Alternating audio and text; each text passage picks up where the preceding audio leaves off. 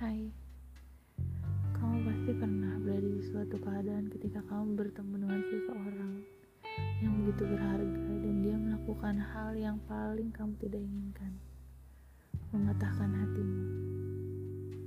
Dijawabku memang ketika aku melakukan hal yang dulu pernah kita lakukan, serupa tapi bukan dirimu. Ketika peluk yang hangat berubah menjadi dingin, senyuman dan tatapan Kini, izinkan